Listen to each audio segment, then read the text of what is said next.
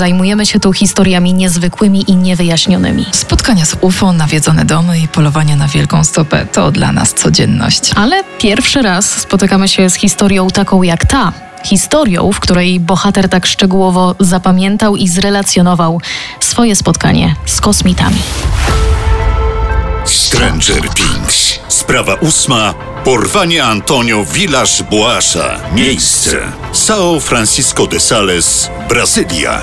Data. 5 października 1957 roku. Tego dnia rodzina Villaż Boasz świętowała. Antonio i jego dwaj bracia mieli gości, siostry, które wpadły na rodzinną farmę wraz z mężami. Impreza była huczna i trwała do późnych godzin nocnych, czyli tak mniej więcej do 23. No dobra, na dzisiejsze standardy to pewnie ledwie by się kończył before, ale dla brazylijskich farmerów z połowy XX wieku to była biba roku. No w każdym razie o 23 wszyscy mieli grzecznie położyć się spać, rączki na kołderkę i te sprawy, ale Antonio jeszcze troszkę szumiało w głowie, więc postanowił odsłonić okno i pogapić się chwilę w niebo, nim zmoże go sen. 23-latek szybko pożałował swojej decyzji, gdy zobaczył paląco jasny słup światła padający na jego ojcowiznę.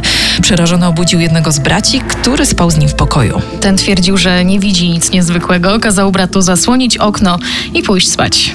Antonio wobec sceptycyzmów brata próbował zasnąć, ale słup światła nie dawał mu spokoju i już po chwili znowu gapił się w niebo. I wtedy stało się coś, co zmroziło mu krew w żyłach. Światło zaczęło powoli i metodycznie pełznąć w stronę otwartego okna. Przerażony Antonio zatrzasnął je z hukiem i biegiem ruszył w stronę swojego posłania. Mimo wielkich emocji zasnął i przez kolejne 10 dni w ogóle nie myślał o tej przygodzie. Miejsce. São Francisco de Sales, Brazylia. Data. 14 października 1957 roku. Wieczór. Zmęczony całym dniem pracy Antonio marzył już tylko o łóżku, ale miał jeszcze jedno zadanie na dziś. Naprawić stary, wysłużony traktor.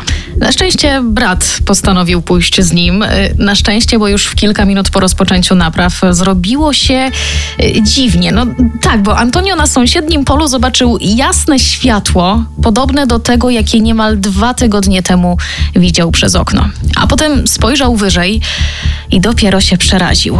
W rozmowach z doktorem Olavo Fonterzem i dziennikarzem João Marcinsem Antonio opisał to jak ogromną czerwoną gwiazdę.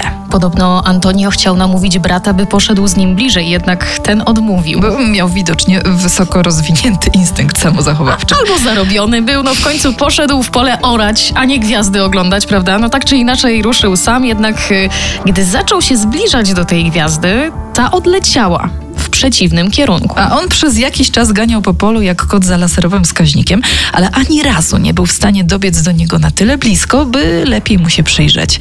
W końcu zmęczony zrezygnował i wrócił do brata. Po chwili światło zgasło, a jego źródło zniknęło z brazylijskiego nieba. Miejsce. São Francisco de Sales, Brazylia. Data. 15 października 1957 roku. Dzień był niezwykle gorący. Bracia Villaż Boasz postanowili zostawić najcięższą pracę na wieczór i noc, a na Antonia spadł obowiązek orania pola. No tak, bo ostatnio jak poszli orać, to latał po polu za czerwoną gwiazdą, więc teraz ewidentnie była jego kolej. Tak czy inaczej, gdy Antonio zabierał się do pracy, na niebie znów pojawił się jajowaty obiekt rzucający jasne światło.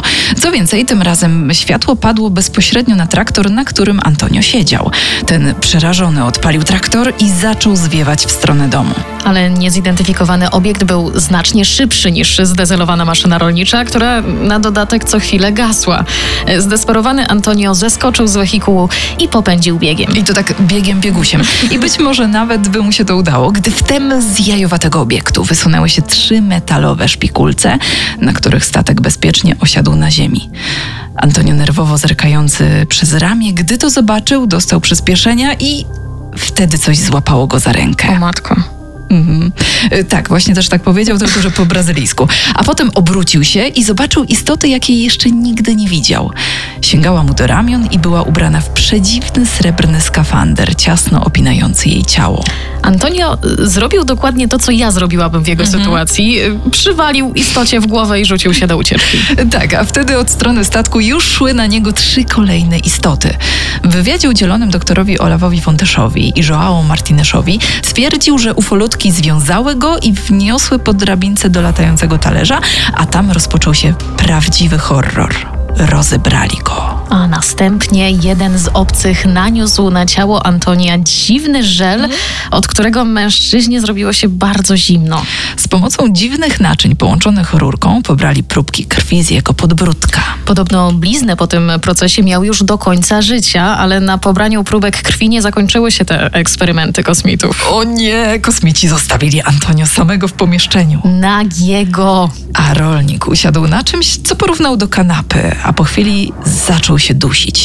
Wtedy zauważył, że w ścianach pomieszczenia są dysze, z których ulatuje siwy dym. A dym pachniał bardzo nieprzyjemnie. Czyli śmierdział? Y, No dobrze, śmierdział. Antonio przez chwilę No rozmyślał nad wyglądem kosmitów, ale z tych rozmyślań wyrwał go hałas w okolicy drzwi do pomieszczenia, w którym zamknęli go kosmici. No i, i co? I co zobaczył Antonio? Kobietę. O, o. To znaczy, bardzo dziwne jest to, jak o niej mówił, bo brzmi to troszeczkę jak opis strzału Amora. Posłuchajcie. Miała piękne proporcje. Była naga, tak jak ja. Podeszła do mnie, zaczęła się do mnie przytulać, ocierać się. No i nie wiem, może to wina tego żelu, którym mnie nasmarowali. Słuchajcie, ro, robi nam się tutaj troszkę 50 twarzy Greja. No jakby jedno jest jasne, facetom jedno w głowie. Aha, no właśnie. Po całym, nazwijmy to zajściu, kosmitka z zadowoleniem skazała na swój brzuch, potem w niebo i, i wyszła z pomieszczenia. Pozostali kosmici przynieśli wtedy mężczyźnie jego ubrania, a gdy rolnik się ubrał, postanowił zabrać ze sobą coś na pamiątkę z tego statku. Jego wybór padł na dziwne urządzenie, jednak gdy tylko po nie sięgnął, jeden z kosmitów odepchnął go. Po kolejnej wymianie odgłosów między obcymi, jeden z nich pokazał Antoniemu, by ten ruszył za nim.